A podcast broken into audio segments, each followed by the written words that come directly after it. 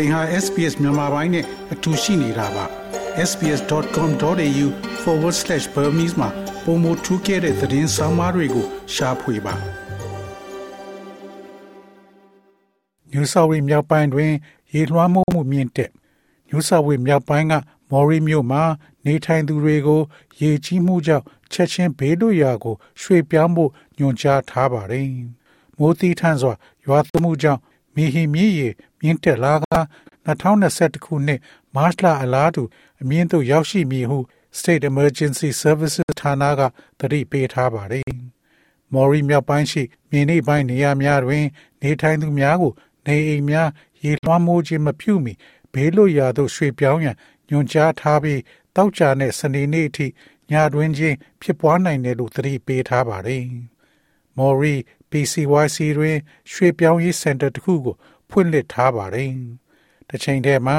Victoria နဲ့ New South Wales တို့တွင် ရေလွှမ်းမိုးမှုဒဏ်ခံရသောဒေသများသည့်ပြင်းထန်သောမိုးကြိုးမုန်တိုင်းများနှင့်မိုးသီးထန်စွာရွာသွန်းမှုတို့ကိုကြုံတွေ့နေရပါတယ်။ယခုသတင်းပတ်ကုန်းတွင် မိုးထပ်မံရွာသွန်းမှုကိုစိုးရိမ်လျက်ရှိပြီးရေကြီးနေသောဒေသများတွင် မြည်ရည်မြင့်တက်လာမည်ကိုစိုးရိမ်နေကြပါတယ်။ Queensland အရှေ့တောင်ပိုင်းနဲ့ Tasmania မြောက်ပိုင်းတို့တွင်လည်းအန္တရာယ်ရှိနိုင်ပြီးရုတ်တရက်ရေကြီးခြင်းမှာလည်းစိုးရိမ်စရာဖြစ်ကြောင်းဘျူရိုကပြောကြားခဲ့ပါတယ်။ Britain ဝန်ကြီးချုပ်ယာဒူးမှနှုတ်ထွက် Britain ဝန်ကြီးချုပ် Liz Truss ကသူမယာဒူးမှနှုတ်ထွက်မည်ဖြစ်ကြောင်းအောက်တိုဘာလ20ရက်တွင်ကြေညာလိုက်ပါတယ်။သူမသည်ဝန်ကြီးချုပ်ယာဒူးရထားသည်မှာသတင်းပတ်6ပတ်မျှသာရှိသေးပြီးယခုအခါ Conservative Party ခေါင်းဆောင်ဖြစ်မှနှုတ်ထွက်မည်အကြောင်း Liz Truss ကကြေညာခဲ့ခြင်းဖြစ်ပါတယ်။သူမရဲ့ဝန်ကြီးချုပ်နေရာဆက်ခံမည့်သူကို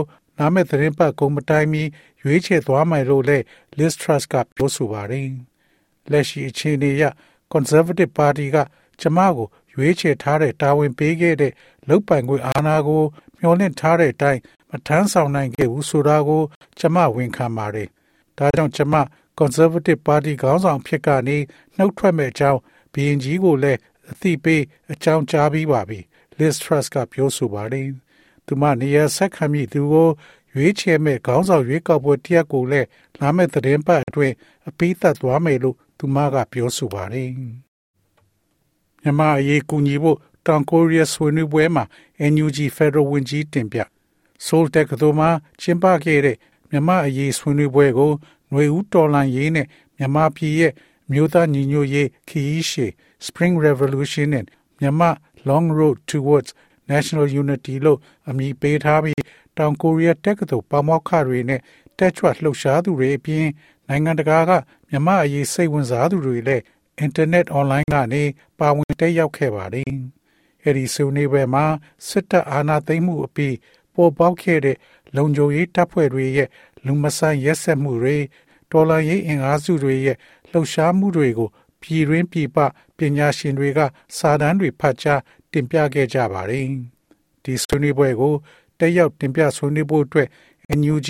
အမျိုးသားညီညွတ်ရေးအစိုးရ Federal ပြည်ထောင်စုရေးရာဝန်ကြီးဒေါက်တာစလိုက်ရမူစာခေါင်းကိုဆိုးတက်ကတူကဖိတ်ကြားခဲ့ပါတယ်။ဒီဆွေးနွေးပွဲဟာ NUG ရဲ့အောင်ပွဲတစ်ခုဖြစ်ပြီးမြမနွေဦးတော်လိုင်းရေးရဲ့ထူးခြားတဲ့အချက်လက်တွေကို သူတင်ပြခဲ့တယ်လို့ဒေါက်တာစလိုက်လျံမုန်းစာခေါင်းက RFA ကိုပြောဆိုပါတယ်။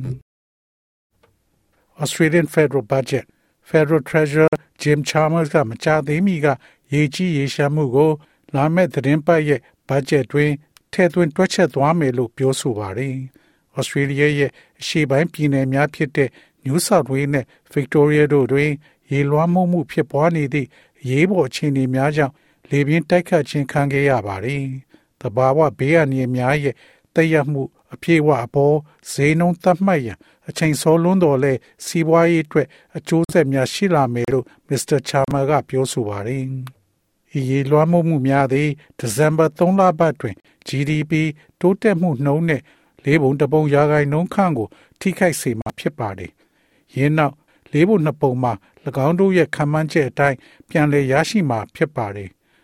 င်းတို့ရဲ့ခံမှန်းချက်တွင်3.1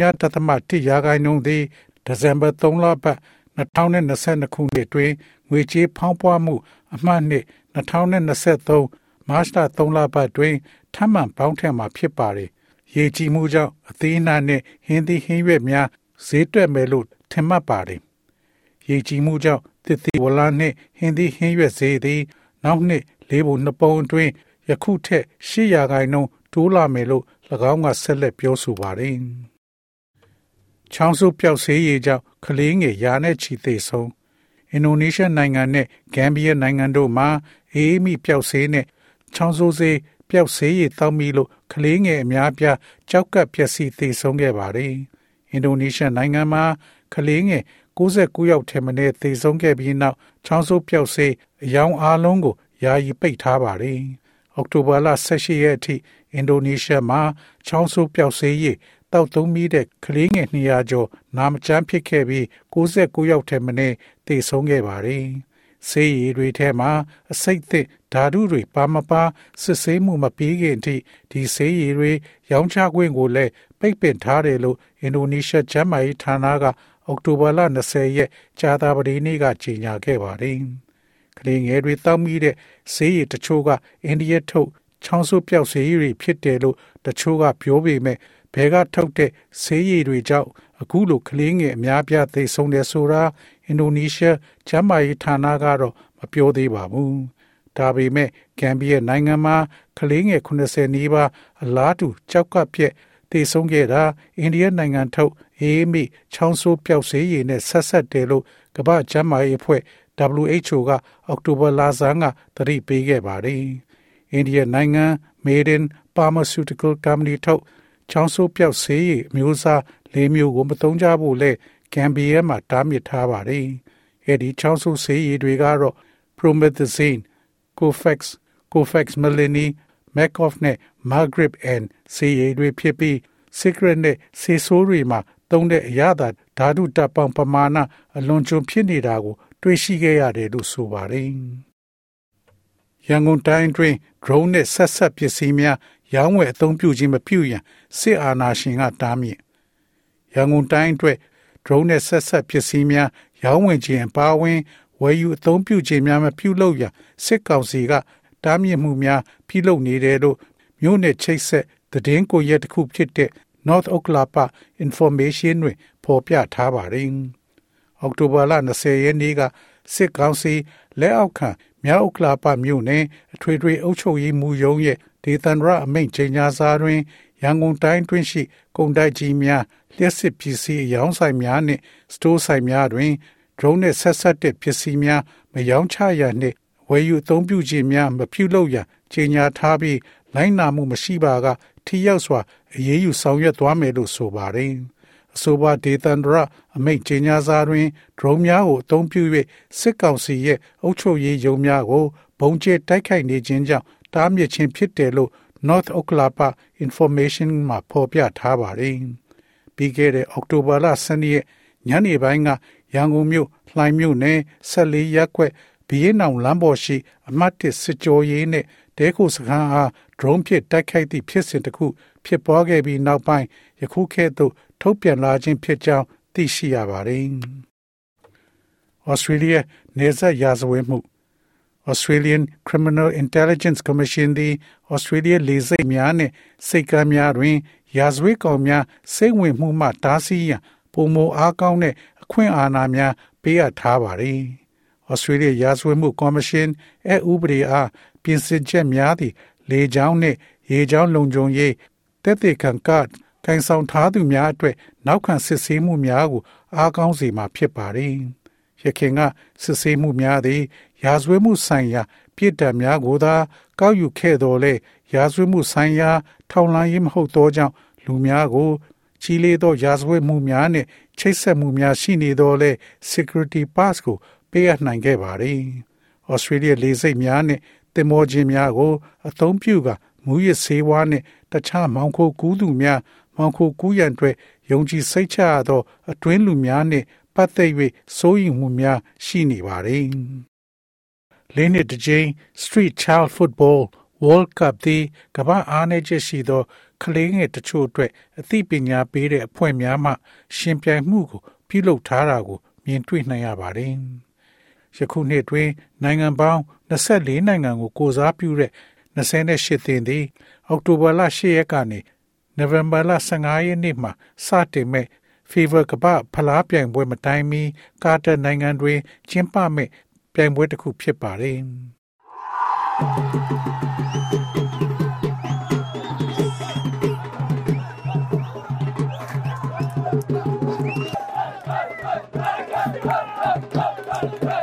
ဒိုဟာမြို့စင်ကြေဖုံးရှိ အများပြည်သူသုံးအောက်ဆီဂျင်ပန်းချံတွင် လမ်းများပေါ်တွင် နေထိုင်သောကဘာတဝမ်းမှကလေးငယ်များသည်ဘောလုံးဂိမ်းကစားရန် ရောက်ရှိနေကြပါသည်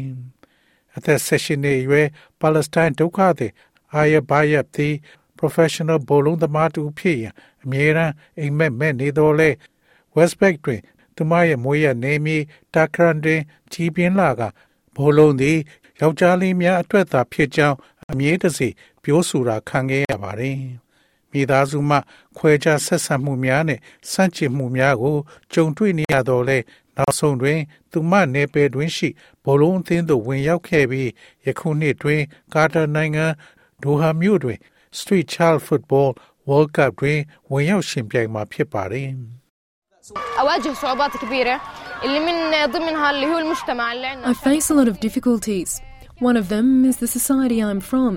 The Palestinian people who looked at us and questioned how girls play football. That was the biggest challenge I had. Bullying as well, for my hairstyle and for being a football player. This was a big roadblock in my way. Of course, I didn't stop there. I challenged all of this and went ahead. I insisted on continuing with football, and because of what I've done, I'm here today. Football in general is a key to the whole world. For me, I can have my voice heard, my struggles, my message, သူက and ကျ the မကိုကြည့်ပြီး Palestinian မိန်းကလေးတွေဘလုံးကစားတာကိုမေကွန်းထုတ်ခဲ့ပါတယ်။အဲ့ဒါကကျမအတွက်အကြီးမားဆုံးစိန်ခေါ်မှုပါပဲ။ကျမသပင်ပုံစံနဲ့ဘလုံးကစားသမားဖြစ်တာကြောင့်လည်းအနိုင်ကျင့်ခံရပါတယ်။ဒါကကျမရဲ့လန်ခီမှာကြီးမားတဲ့အတားအဆီးတစ်ခုဖြစ်ခဲ့ပါတယ်။ဟုတ်ပါတယ်။ဒါတွေကကျမလှုပ်ချင်တာကိုမရက်စေခဲ့နိုင်ပါဘူး။ ဒါကိုကျမစိန်ခေါ်ပြီးရှေ့ကိုဆက်သွားပါတယ်။ကျမဘလုံးကစားဖို့အခိုင်အမာပြောခဲ့ပြီးကျမလှုပ်ခဲ့တာတွေကြောင့်ကျမဒီနေ့ဒီနေရာကို ရောက်ရှိနေတာဖြစ်ပါတယ်။ရေဘူးရာအဖြစ်ဘလုံးသည်တကဘာလုံးအတွက်တော့ချက်တစ်ခုဖြစ်ပါတယ်။ကျမအတွက်ကျမအတန်ကျမယုံကမှုတွေကျမအမှားစကားနဲ့ပါလက်စတိုင်းအကြောင်းတွေသင်တို့ကြားနိုင်ပါတယ်။သူမရဲ့ဇာလံသည် အားကစားသမားဘဝများကိုမြည်သို့ပြောင်းလဲစေကြောင်းနဲ့အမျိုးသမီးများအတွက်ကြားမှဒန်းတူညီမျှမှုကိုမြင့်တင်ပေးနိုင်တဲ့ platform တစ်ခုဖြစ်သည့် Street Child World Cup ရဲ့အဓိကသောချက်တစ်ခုဖြစ်ပါတယ်။ဒါဟာသူမအသင်းနိုင်ငံတကာမှာပထမဆုံးအချိန်ဘလုံးကစားရတာဖြစ်ပါတယ်။အဖွဲ့မှမိန်ကလေးများသည်ပါလက်စတိုင်းအနောက်ဘက်ခြမ်းရဲ့မြောက်ဘက်ဒုက္ခသည်စခန်းတွင် နေထိုင်ကြပြီး ဘောလုံးကွင်းများမရှိသောကြောင့်ကွန်ကရစ်ဘော်တွင်သာအဓိကကစားခဲ့ကြရပါတယ်။ပါလက်စတိုင်းအသင်းရဲ့ပူးပေါင်းညှိနှိုင်းရေးမှုမေဆူနာခေက၎င်းသည်ပွဲရဲ့တစ်စိတ်တစ်ပိုင်းမှာပါဝင်ခွင့်ရတဲ့အတွက်ဂုဏ်ယူမိတယ်လို့ပြောဆိုပါတယ်။ for them being able to speak their story and hearing others other uh, children's stories and relate to that is it's just mind blowing သူ it's တို့ mind က blowing သူတို့ because ရဲ့ it's ဇာ just လမ်းကို opening ပြောနိုင် up ပြီး a world တခြားကလေးတွေရဲ့ပုံမြင်တွေကိုနားထောင်ပြီးအဲ့ဒါကိုပြန်ပြောနိုင်တဲ့အတွက်စိတ်လှုပ်ရှားစရာပါပဲသူတို့အတွက်ကတော့ကဘာကြီးကိုတကားဖွင့်ပေးလိုက်တဲ့အတွက်စိတ်တွေအရန်တုန်လှုပ်နေကြပါတယ် FIFA ကမ္ဘာဖလားပြိုင်ပွဲမတိုင်မီကျင်းပမဲ့အဆိုပါပြိုင်ပွဲသည်ကမ္ဘာတဝန်းရှိလမ်းများဘော်တွင် နေထိုင်တဲ့ကလေးများအားစွမ်းရည်မြင့်တင်ပေးရန်ရည်ရွယ်ပြီး၎ င်းတို့ရဲ့အခွင့်အရေးများကိုချန်ပီယံဖြစ်စေရန်အတွက် platform တစ်ခုအဖြစ်ပံ့ပိုးပေးမှာဖြစ်ပါတယ်။ပထမဆုံးဒီပွဲကို2010ခုနှစ်တွင် တောင်အာဖရိကရှိဒါဘန်တွင်စတင်ခဲ့ပြီးထိုအချိန်ကတန်ဇေးနီးယားရှိယောက်ျားလေး6ယောက်ရှိသောမိသားစုတွင်ကျင်ဖော်မဲ့မိခင်တဦးမှဂျွန်ဆက်တော့သည်ကြီးပြင်းလာခဲ့ရသူဖြစ်ပါတယ်။အသက်12နှစ်အရွယ်ကလေးကသူ့မိသားစုရဲ့ တမင်စပွဲပေါ်မှာစားစရာတွေတင်ပေးဖို့အတွက်ခိုရန်ယူခဲ့ရပေမဲ့လမ်းမတွေပေါ်မှာဘောလုံးကစားခဲ့ပြီးစိတ်ဖိစီးမှုတွေကနေလွတ်မြောက်နိုင်ခဲ့တယ်လို့သူကပြောဆိုပါတယ်။တန်ဇေးနီးယားအသင်းနှင့်ပထမဆုံး Street Child ပြိုင်ပွဲတွင်ပါဝင်ရန်စရင်သွင်းထားတဲ့ဘိုလုံးအကယ်ဒမီမှသူ့ကိုသတိပြုမိခဲ့ပြီးယခု12နှစ်အကြာတွင်ဒိုဟာတွင် လူငယ်အသင်းခေါင်းဆောင်ဖြင့်၎င်းပါဝင်ခဲ့နိုင်တာဖြစ်ပါတယ် Football for me means everything because it was the first thing that um, brought me onto the spotlight and showed other people how worthy I am and it showed other people how important I am. Through Child World Cup, I wish to see uh, changing these young people like to be the good leaders in their communities, to believe in themselves, to believe that they are ကျွန်တော် somebody အတွက် to ဘောလုံး believe ဆိုတာ that no matter ရာ what အားလုံး other ကို people အတိတ် think ပဲ of ဖွင့် them, ဆိုထားတာ we မို့ just keep အဲ့ဒါက going to ကျွန်တော်ကို reach their မိမောင်းထိုးပြပြီးတခြားသူတွေကိုကျွန်တော်ဘယ်လောက်ထိုက်တန်လဲဆိုတာပြသခဲ့ပြီးတခြားသူတွေကကျွန်တော်ဘယ်လောက်အရေးကြီးတယ်ဆိုတာကို ပြသခဲ့တဲ့ပထမဆုံးအရာဖြစ်ပါတယ် Street Child World Cup ကတစ်စစ်ဒီလူငယ်တွေရဲ့အပြောင်းအလဲကို ကျွန်တော်မြင်ချင်ပါတယ်သူတို့အတိုင်းဝိုင်းမှာခေါင်းဆောင်ကောင်းတွေကိုကိုကိုယုံကြည်ဖို့ သူတို့ဟာတစုံတစ်ယောက်ဆိုတာကိုယုံကြည်ဖို့တခြားသူတွေဘယ်လိုပဲတွေးနေပါစေသူတို့ကသူတို့ရဲ့အိမ်မက်တွေစီကိုပဲဆက်သွားနေမယ်ဆိုတာကိုယုံကြည်ဖို့ပါပဲ UNICEF မှခန့်မှန်းခြေအရကလေး356တန်းသည်ကမ္ဘာတဝန်းတွင်အလွန်အမင်းဆင်းရဲမွဲတေမှုဖြင့်နေထိုင်နေရတယ်လို့ဆိုပါတယ်။ UK က Prahita Street Child United မှစီစဉ်ကျင်းပသောအဆိုပါပြိုင်ပွဲသည်အားကစားတွင်ပါဝင်မှုတိုးမြင့်ရန်မသာမစွမ်းကလေးများအတွက်အခွင့်အလမ်းများပေးဆောင်ရန်ရည်ရွယ်ထားကြောင်း Street Child World Cup ရဲ့ CEO ဖြစ်သူ John Rowe ကပြောကြားပါတယ်။ It's about dignity. It's about I am somebody. And when these young people put on their national jerseys, when they hear their national anthem, when they raise their national flag, we are incredibly proud of them. Their whole country is incredibly proud of them. And it's about getting the world on the side of these street children. ဒါ And ဟာ once they ဂုဏ် see သိက္ them ခာနဲ့ဆိုင်တယ် differently, once they see ဒါ them က as တစုံတစ်ယောက် heroes, အကြောင်းမှာ they begin to ဒီ change လူ the ငယ် world တွေက for them. သူတို့ရဲ့နိုင်ငံတော်ဂျာစီကိုဝတ်ကြတဲ့အခါသူတို့ရဲ့နိုင်ငံတော်သချင်းကိုကြားရတဲ့အခါနိုင်ငံတော်အလံကိုလွှင့်တင်တဲ့အခါသူတို့အတွက်အံ့ဩစရာဂုဏ်ယူမိပါတယ်ပြီးတော့ဒီလမ်းဘေးကကလေးတွေကိုကဘာကြီးကို သူတို့ဘက်ကိုရအောင်သူတို့ဘက်မှာထောက်ခံအောင်ရယူဖို့အကြောင်းပါသူတို့ကို မတူကွဲပြားစွာ မြင်သည်နှင့်၎င်းတို့ကိုသူရဲကောင်းများဖြင့်မြင်သည်နှင့်၎င်းတို့အတွက်ကဘာကြီးကို ပြောင်းလဲပြည့်ရန်စတင်ခဲ့တာပါကလေးအများစုတွင်မြည်သူမြည်ဝါဖြစ်ကြောင်းအထောက်အထားစာရွက်စာတမ်းများမရှိတဲ့အတွက်ကမ္ဘာဖလားပြိုင်ပွဲကစားရန်ခီးသွားခြင်းကိုတားဆီးပိတ်ပင်ထားသလိုဖြစ်နေပါတယ်။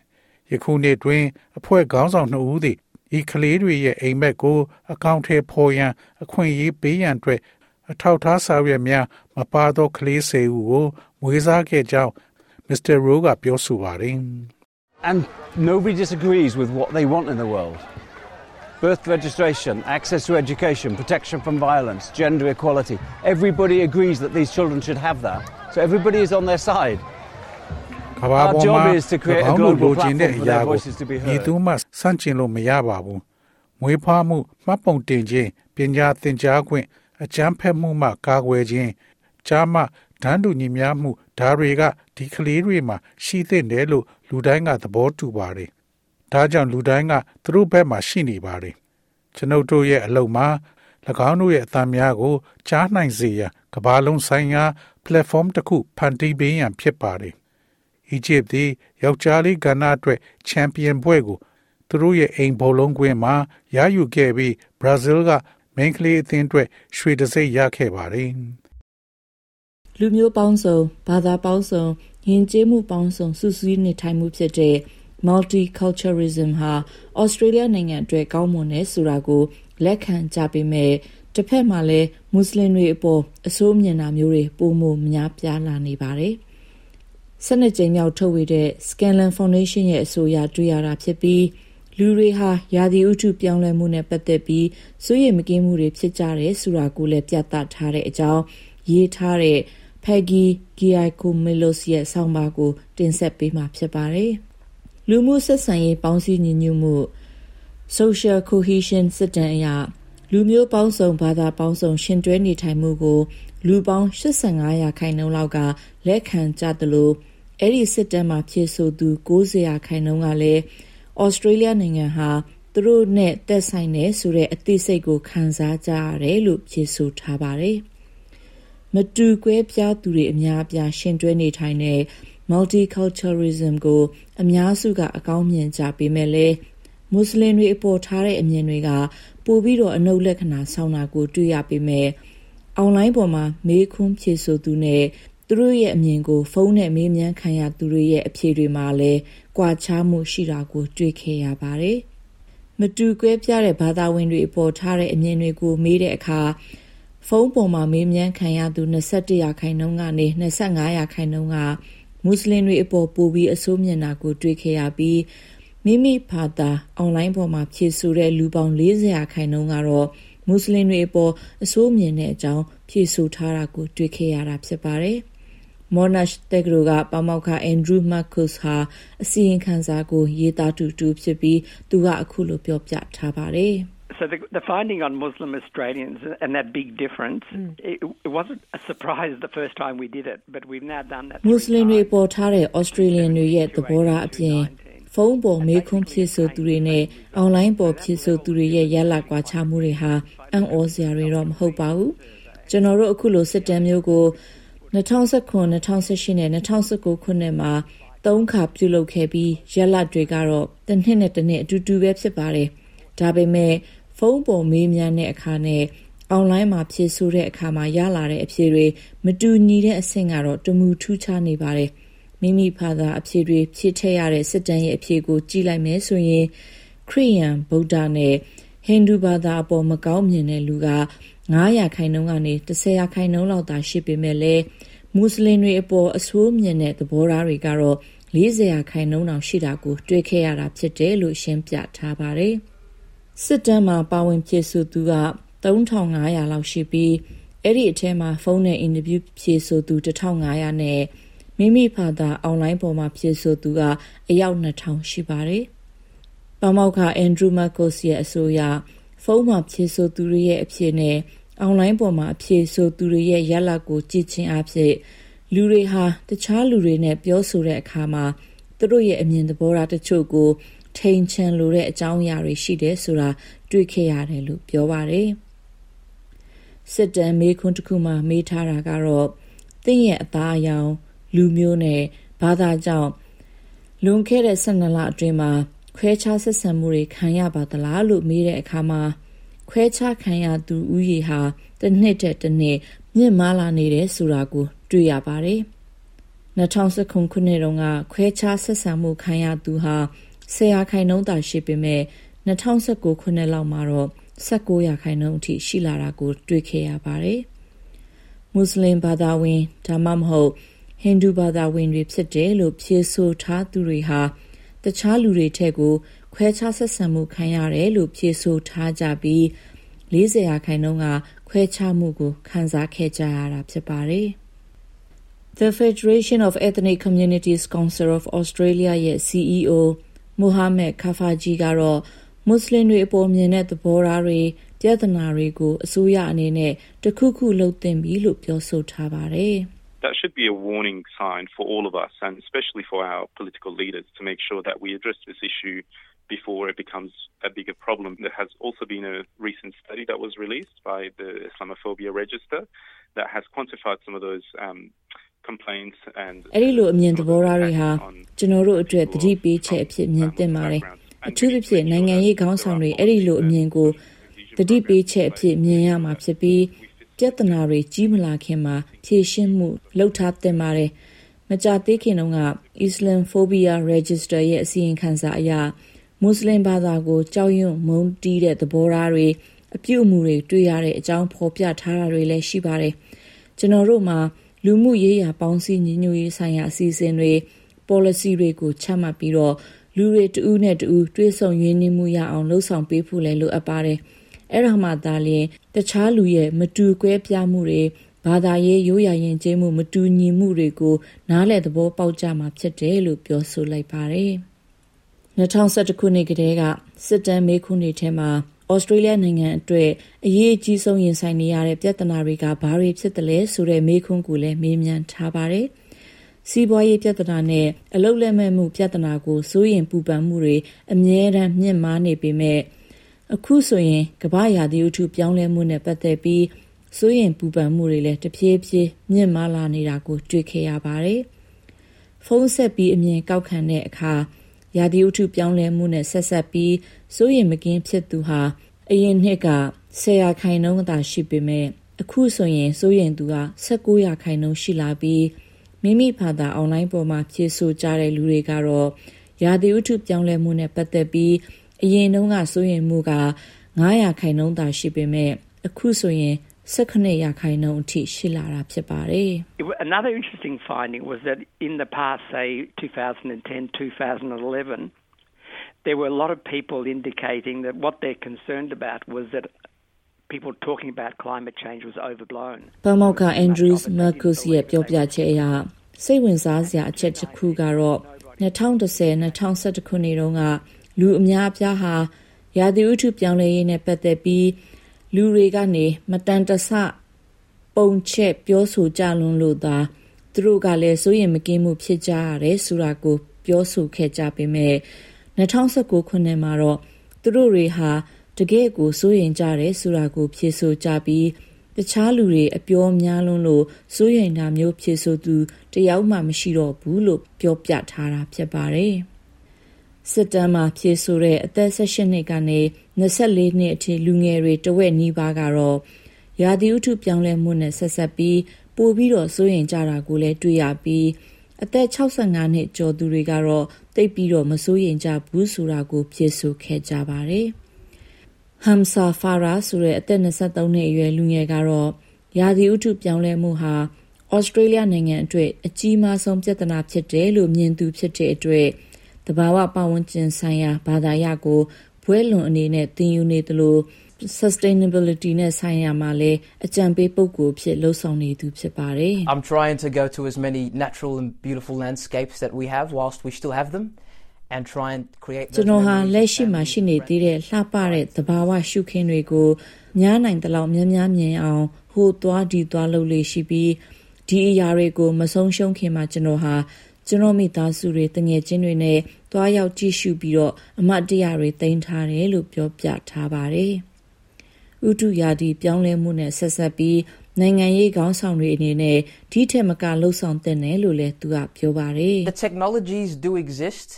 they're increasing, they're getting better by the month. Uh, they're getting this rapid progression in the in the scale of technologies and its availability. စက်မှုပိုင်းဆိုင်ရာတွေလည်းရှိနေပြီးသားဖြစ်ပါတယ်။လစဉ်နဲ့အမျှပိုပြီးတော့တော့များပြားကောင်းမွန်လာနေပါတယ်။စက်မှုပိုင်းဆိုင်ရာနဲ့ပတ်သက်ပြီးရွေးချယ်စရာတွေပိုများလာသလိုသုံးစွဲဖို့လည်းအသင့်အနေထားရှိနေပါတယ်။အဲ့ဒီတော့ခေါင်းဆောင်တွေရဲ့လှုပ်ချင်ကင်ချင်စိတ်ကူသာလိုအပ်နေတာဖြစ်ပါတယ်။သူတို့ရဲ့အကျိုးထက်အများပြည်သူတွေရဲ့အကျိုးကိုကြည့်တဲ့ နိုင်ငံရေးခေါင်းဆောင်မျိုးသားလိုအပ်နေတာဖြစ်တယ်လို့ပြောဆိုလိုက်တာဖြစ်ပါတယ်။ပမောက္ခအန်ဒရူးမာကုစ်ရဲ့အဆိုအရစစ်တမ်းမှာပြည်ပကနေဝင်လာတဲ့လူတွေကြောင့်စီးပွားရေးအကျိုးများရရှိစေသလားပြည်ပကနေဝင်လာတဲ့လူတွေကြောင့် idea အသစ်တွေရိုးရာယဉ်ကျေးမှုအသစ်တွေရရှိစေသလားလို့မေးတဲ့အခါမှာဖြေဆိုသူ85ရာခိုင်နှုန်းကနေ85ရာခိုင်နှုန်းကတော့ပြည်ပကနေဝင်လာသူတွေက နိုင်ငံအတွက်အကျိုးပြုစေတယ်လို့မြင်ကြတာဟာအားရစရာဖြစ်တယ်လို့ပြောပါတယ်။ဒါပေမဲ့လူဝင်မှုရေးရာနဲ့ပတ်သက်ပြီးတခြားကိစ္စတွေမှာတော့သိပ်ပြီးအကောင်းမမြင်ကြဘူးလို့ပြောပါတယ်။ But when we ask people um do you think that the government is managing population growth well and are you concerned that immigration has got any ဆိုရကနေလူဦးရေနဲ့ပတ်သက်ပြီးကောင်းမွန်စွာစီမံခန့်ခွဲနိုင်တယ်လို့ထင်ပါသလား ကြီးပါကနေဝင်လာတဲ့လူတွေကြောင့်ဩစတြေးလျရဲ့လူနေမှုအရေးအသွေးအပေါ်အိမ်ဈေးတွေအပေါ်တည်ရောက်မှုတွေတဘာဝပတ်ဝန်းကျင်ပေါ်တည်ရောက်မှုတွေဖြစ်နေသလားလို့မေးကြည့်တဲ့အခါမှာတော့မိမိဘာသာအွန်လိုင်းပေါ်မှာဖြည့်ဆိုသူ60ရာခိုင်နှုန်းကျော်ကတော့ကြီးပါကလူဝင်မှုတွေကြောင့်အရေးအသွေးကျဆင်းမှုတွေအိမ်ဈေးမြင့်မားမှုတွေနဲ့လူဦးရေများပြားတင်းကျပ်မှုတွေဖြစ်နေရတယ်လို့အမြင်ရှိနေကြတာကိုလည်းတွေ့ခဲ့ရပါတယ်။ပြည်ပကလူတွေကြောင့် နိုင်ငံရဲ့စီးပွားရေးတိုးတက်မှုတွေအတွေးအမြင်သစ်တွေရရှိတဲ့ဆိုတဲ့အမြင်မျိုးကိုတခြားလေ့လာမှုတွေမှာလည်းတွေ့လာနေရပြီးတော့ဩစတြေးလျနိုင်ငံသားတွေအနေနဲ့မှန်ကန်တဲ့သတင်းတွေပုံမရရှိလာကြပြီဆိုတာကိုတွေ့ရတယ်လို့ SBS သတင်းဌာနရဲ့ဥက္ကဋ္ဌလည်းဖြစ် Multicultural Foundation ရဲ့အကြီးအကဲလည်းဖြစ်တဲ့ Harsh Dela ကပြောပါတယ် I think there's been some excellent research uh, particularly the one around the Deloitte's one with SBS, where we actually showed the economic uh, benefits of social cohesion. I think people get a better understanding of the values of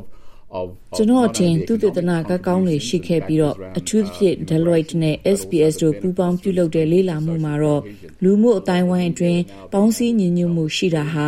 စီးပွားရေးကိုပါအထောက်အကူပြုတယ်ဆိုတဲ့အချက်ပဲဖြစ်တယ်လို့ပြသထားပါတယ်။ လူတွေက ပြည်ပကနေ ဝင်လာတဲ့လူတွေကြောင့် စီးပွားရေးအကျိုးများရရှိတယ်ဆိုတာကို သဘောပေါက်ယုံသာမက လူမှုပေါင်းစည်းညီညွတ်ရေးကလည်း အရေးကြီးတယ် တန်ဖိုးရှိတယ်ဆိုတာကိုလည်း သဘောပေါက်လာကြတယ်လို့ ထင်ပါတယ်။မီဒီယာအများအပြားမှာလည်း အခုဆိုရင် ပြည်ပကနေ ရွှေ့ပြောင်းနေထိုင်တဲ့ မိသားစုတွေအကြောင်း သူတို့ရဲ့ အကျိုးပြုမှုတွေအကြောင်းကိုလည်း တင်ပြလာနိုင်ကြပြီ ဖြစ်ပါတယ်။ ပြည်ပကလူတွေရဲ့လူရင်းမှုရေးရအကြောင်းကို လူတွေပုံမနားလည်တဲ့အတွက်ပို့ပြီးတော့လက်ခံလာနိုင်ကြတာလည်းဖြစ်နိုင်တယ်လို့ပြောသွားခဲ့ပါတယ်။ဩစတြေးလျနိုင်ငံသားတွေအနေနဲ့ပျော်ရွှင်မှုကိုခံစားကြရဲ့လားလို့မေးတဲ့အခါမှာစစ်တမ်းမှာဖြေဆိုသူ84ရာခိုင်နှုန်းကပျော်ရွှင်မှုရရှိကြတယ်လို့ဖြေဆိုကြပေမဲ့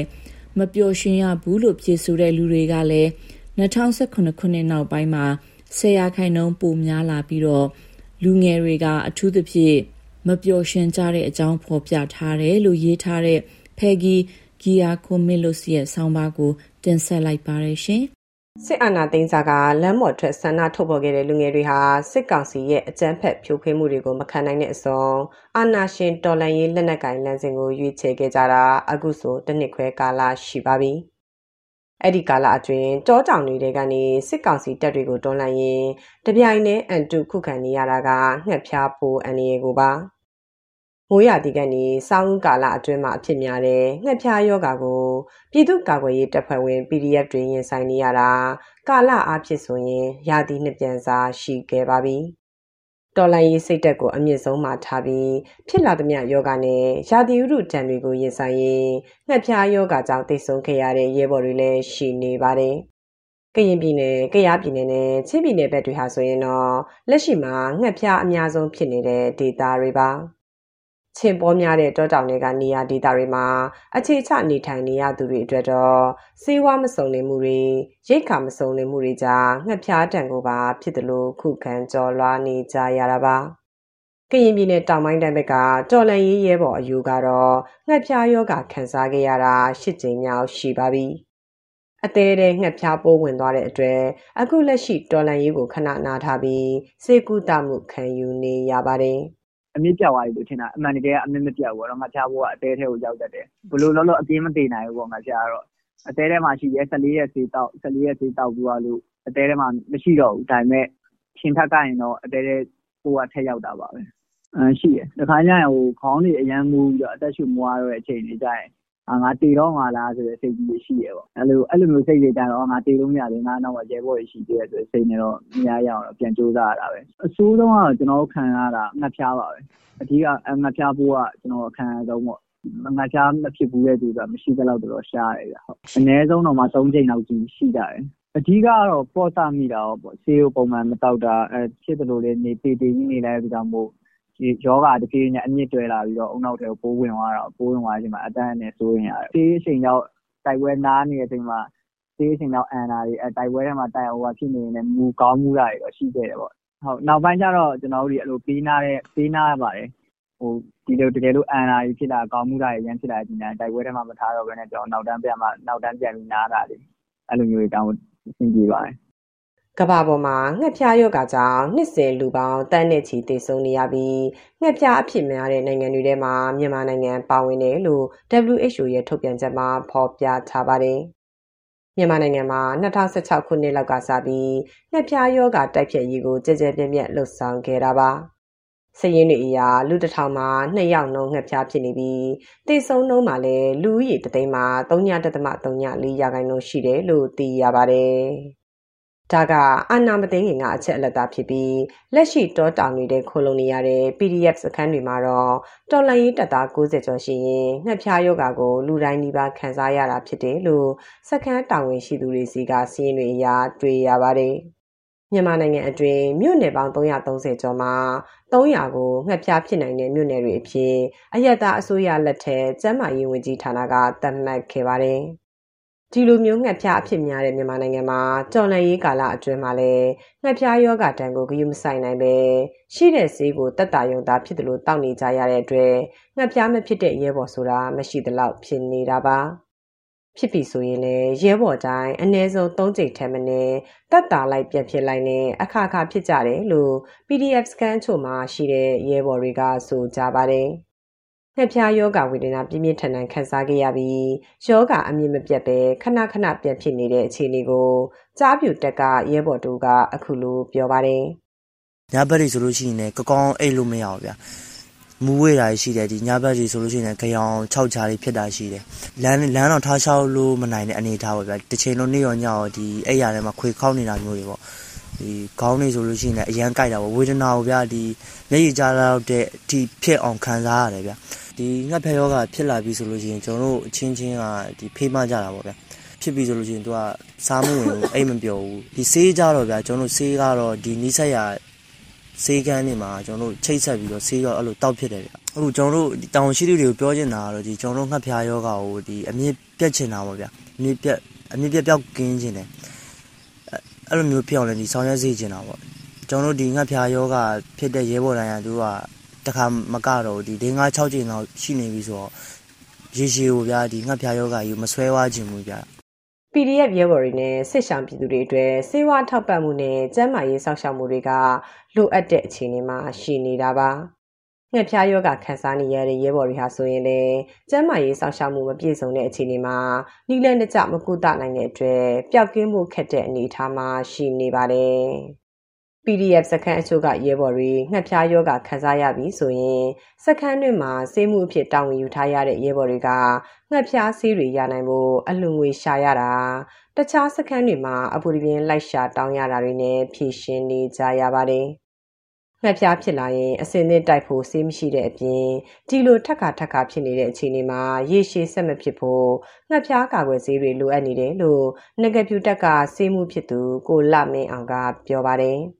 ဒီလိုတဲ့ငပြားစီတွေကိုကျွန်တော် online မှာ post တင်တယ်ပြီးရင်ကျွန်တော်တို့နဲ့တည့်ရနေဆက်ရမှာရှိရတငယ်ချင်းတို့အကူကြီးထောင်းတယ်အဲ့တော့ကျွန်တော်ရှိမှငပြားစီရောက်လာတယ်အရင်တော့ကျွန်တော်တို့ဒီရန်ကုန်ကနေပို့ပြီးတော့ဆိုရင်ကျွန်တော်တို့ငပြားစီတခါဖန်ခံနိုင်ရတဲ့ဒီစကားတွေကပေါ့နော်ဒီငပြားစီကိုလည်းတွေ့ရောသူတို့ဒီငပြားစီကိုယူထားလိုက်တယ်ယူထားပြီးတော့ဒီကိုမရောက်တာလည်းကြားတယ်အခုနောက်ပိုင်းဆိုရင်ငပြားစီကိုတော့သူတချို့ပို့ရင်တော့မယ်ကျွန်တော်တခြားဘုံလေးနဲ့ဖောက်ဖောက်ပြီးတော့ပို့ပေးတာရှိတယ်အခုချိန်ဒီပေါ့နော်ဟိုအခုချိန်မှာလည်းငပြားစီက ကာဗာအနေနဲ့တော့ကျွန်တော်မှမရှိဘူးကာဗာဆိုတာလိုရင်လိုအပ်သလိုဆွဲသုံးရမယ့်အနေအထားတော့မရှိဘူးပေါ့နော်ကျွန်တော်လည်းအခုချိန်မှာငါပြားစီမှာမဟုတ်ကျွန်တော်မှတခြားဆေးဝါးတွေလည်းလိုအပ်နေတယ်အများကြီးရှိတယ်ဒါပေမဲ့ကျွန်တော်မှအဓိကကျွန်တော်တောင်းဆိုချင်တာငှက်ဖျားကာကွယ်ဆေးရမရှိဘူးဖြစ်နေတယ်ကျွန်တော်ငှက်ဖျားထိုးဆေးပေါ့နော်ဒီထိုးဆေးတော့လိုအပ်တယ်သွာလာရခက်ခဲပြီးတွန်းနယ်ထဲမှာစကန်ချနေထိုင်နေရတဲ့တော်လရေးရဲဘော်တွေအတွက်တော့ငှက်ဖျားယောဂခန်းစားနေရချိန်မှာအာဟာရမပြည့်စုံမှုကလည်းစိန်ခေါ်မှုတစ်ခုပါ ဒါဟာယောဂကြိုတင်ကာကွယ်နိုင်ဖို့အတွက်ပါရဲဘော်တွေအတွက်မဖြည့်ဆည်းနိုင်တဲ့လိုအပ်ချက်တစ်ခုဖြစ်နေပါတယ်။ငှက်ဖျားပိုးမွေအောင် လုံလောက်တဲ့ချင်အောင်ချင်စည်းခွေနဲ့ကျင်ကိုက်မခံရအောင်အသုံးပြုရတဲ့စီးဝါးတွေကအစား PDF တွေအတွက်လိုအပ်နေပါတယ်။ ဒါအပြင်စခန်းတစ်ခုထဲမှာအထိုင်ချနေထိုင်ရတာမျိုးမဟုတ်ပဲကြောထဲမှာစခန်းတစ်ခုပြီးတစ်ခုပြောင်းရွှေ့နေထိုင်နေရတဲ့အတွက်ငှက်ဖျားဖြစ်တိုင်းအချိန်မီဆေးကုသနိုင်ဖို့ဆိုတာကလက်လန်းမမီတဲ့ကိစ္စတစ်ခုဖြစ်နေတာပါတောနယ်ထဲမှာငှက်ဖျားပိုးဝင်ပြီးတလကျော်လောက်ယောဂတန်ခံစားခဲ့ရတဲ့ကရင်ပြည်နယ်တပ်မဟာ6နယ်မြေအတွင်းကရဲဘော်တဦးဖြစ်သူကိုကြည်ပီကပေါင်ချိန်40လောက်ကျသွားပြီးတေလူမျောပအခြေအနေနဲ့ရင်ဆိုင်ကြုံတွေ့ခဲ့ရပုံကိုအခုလိုဆိုပါတယ် တရင်ကဟိုအဲ့ဒီတောထဲမှာအတွင်းပိုင်းမှာဆိုတော့အဲ့ဒီတောင်တွေကပြိုတော့ကျတော့လမ်းတွေကပိတ်ရိတ်ခါမရှိဆေးဝါးမရှိအဲ့အချိန်မှာငှက်ဖျားဖြစ်တာငှက်ဖျားဖြစ်တော့လုံးဝကိုစားလိုက်တိုင်းအပြက်ပြက်အန်တာတလားကြော်ကြတယ်အယိုးပေါ်ရည်တွေဖြစ်သွားတယ်နှာခမ်းတွေဖြူဖြူဖြစ်သွားတယ်ပြီးတော့အမှစားကျင်တဲ့စိတ်ကတခုပဲရှိတာကျဲဥဟပ်ပရိုက်ကြော်လေးစားကျင်တာဟိုတော့မရှိဘူးအဲ့လိုအချိန်ကြီးဖြစ်ခဲ့ဘူးတယ်ကျွန်တော်တဖြည်းဖြည်းနဲ့ကျွန်တော်အယိုးပေါ်ရည်တင်ဖြစ်လာတယ်ကျွန်တော်ကိုယ့်အကိုလည်းကျွန်တော် ဟိုအစားလည်းမဝင်ဘူးဗျာကျွန်တော်စိတ်သွားတိုင်းလည်းကိုမပါတော့လမ်းလည်းမလျှောက်ချင်ဘူးအဲပက်လက်ကြီးပဲကျွန်တော်နေနေတယ်ဒီတရင်ဘားလိုက်ထဲမှာဘလို့မှအဆင်မပြေတော့ဘူးလေလုံးဝကိုတင်မလို့ဖြစ်တိုင်းပဲပြန်ရှင်လာတာငှက်ဖျားပြတော့ကျွန်တော်ငှက်ဖျားသေးတွေပါကျွန်တော်နားမလဲဘူးဗျာဒါပေမဲ့ပေးတဲ့စီတော့ကျွန်တော်အကုန်တောက်တယ်ဗျကျွန်တော်ငှက်ဖျားဖြစ်တဲ့စိန်ကကျွန်တော်တို့အကျော်သေးသွင်းနဲ့လိမ့်ပြအပ်တောင်လုံးလုံးလုံးမရှိဘူးဗျအဲ့တော့ကျွန်တော်0.5ဆိုလားမသိဘူးအဲကြီးနဲ့အကျော်သေးသွင်းပေးရတာပဲဗျ ကြောထဲမှာရှိနေတဲ့ PDF တွေဟာစစ်ဆောင်ပြည်သူတွေနဲ့စုပြုံနေနေရတဲ့အတွက်ငှက်ဖျားယောဂဖြစ်လွယ်ကြပြီးတယောက်ဖြစ်ပြီးဆိုတာနဲ့အလင်းအမြန်ကူးနေတဲ့အနေအထားပါယောဂခဏတာတက်တာဖို့အတွက်ရှိတဲ့အဖျားကြစီအကြိုက်ခဲပြောက်စီနဲ့အာဟာရပြည့်ဖို့ကြံဖန်စားတော့ရင်ငှက်ဖျားယောဂကိုအန်တုနေကြရပါတယ် ကြော်ရဲမှာနေပြီးအာနာရှင်ကိုတော်လန်ရင်ငှက်ဖျားယောဂါနဲ့အသက်မဆုံးရှုံးရအောင်စိတ်တက်ကြက်ကြံခံထားဖို့ PDF ရဲဘော်တွေအတွက်သာတန်နိုင်ပါတယ်။တော်လရေးရဲဘော်တွေအတွက်စေဝါနဲ့ရိတ်ခါလိုအပ်ချက်ကိုအမျိုးသားညီညွတ်ရေးအစိုးရအန်ယူဂျီကထောက်ပံ့ပေးဖို့လဲလိုတယ်လို့ရဲဘော်တွေကရှုမြင်ကြပါတယ်။ဒီကိစ္စနဲ့ပတ်သက်ပြီးအန်ယူဂျီကျန်းမာရေးဝန်ကြီးဌာနကိုဆက်သွယ်မိပြန်ပေမဲ့ဆက်သွယ်လို့မရခဲ့ပါဘူး။ လက်ရှိမှာတော့ရဲဘော်တွေအတွက်ငှက်ပြားယောဂါကိုအရေးတယူပြီးမဆိုင်နိုင်တော့ပဲယောဂါနဲ့အသားကျသွားသလိုဖြစ်နေပြီလို့ပြောလာသူက KNL ရဲဘော်တူပါ6ချိန်နေ10ချိန်နေအဲ့လိုလူတွေတော့ရှိတယ်ဒီအခုကျွန်တော်တို့အရှိကင်းသွားတာတို့ရှင်းတန်းသွားတာတို့ဘာလို့ဆိုရှင်းအောင်နေပါတယ်ဘူးကဒီလိုမှမရတာသိရမလားဘောကရှင်စေးပွေဆောင်ဆောင်မဆောင်ရှင်စေးလင်းစေးဆောင်ဒါပေမဲ့အဲ့ဒါကြီးတော့ထည့်ဖို့လည်းချင်းမရှိဘူးလေကျွန်တော်တို့အခုရှင်းတန်းသွားတယ်ဘာညာဆိုပကတ်တလုံးရယ်စောင်းရယ် ကိုယူနီဖောင်းရယ်တကယ်အောက်ကဝင်မဲ့အင်ကြီးလောက်ပဲအဲ့လောက်ပဲယူသွားဖြစ်တာဆိုတော့တူးတာပေါ့ဒါပေမဲ့ငါဖျားတော့ကျွန်တော်တို့ဒီမှာတော့တိတ်တော့မကြောက်တော့ပါဘူးဆိုတော့ကိုဖြစ်နေကြပုံစံမျိုးဆိုတော့လကားနေရန်တိုက်လို့ရန်သိလို့မတည်ပဲနဲ့ငှက်ဖျားနဲ့ဟိုဟာဖြစ်တယ်ဆိုရင်နှမျိုးစရာကြီးအသက်20ကျော်အရွယ်လူငယ်ပိုင်းလူတွေကအာနာရှင်စနစ်ပြုတ်ကြဖို့အတွက်မပြည့်စုံမလုံလောက်မှုများစွာကိုမျက်ကွယ်ပြုထားရင်ရင်ဆိုင်တော်လှန်နေကြရပါတယ်။ အဲ့ဒီမလုံလောက်မှုတွေကမှတခုအပါဝင်ဖြစ်နေတဲ့ငှက်ဖျားယောဂကာကွယ်ရေးကိုလည်းနှိမ့်ညူရှူရင်အာနာရှင်အမြင့်ပြတ်ရေးအတွက်ကိုသာရည်ရွယ်တိုက်ပွဲဝင်နေကြရစေပါဒီသတင်းဆောင်မကိုတန်လွင်ခက်ကပေးပို့ထားတာဖြစ်ပါတယ်ဒါမျိုးသတင်းဆောင်မတွေကိုပိုနားဆင်လိုပါလား Apple Podcast Google Podcast Spotify တို့မှာသင်ပင်ရာဖြစ်ဖြစ်ရယူတဲ့ podcast ကနေပါ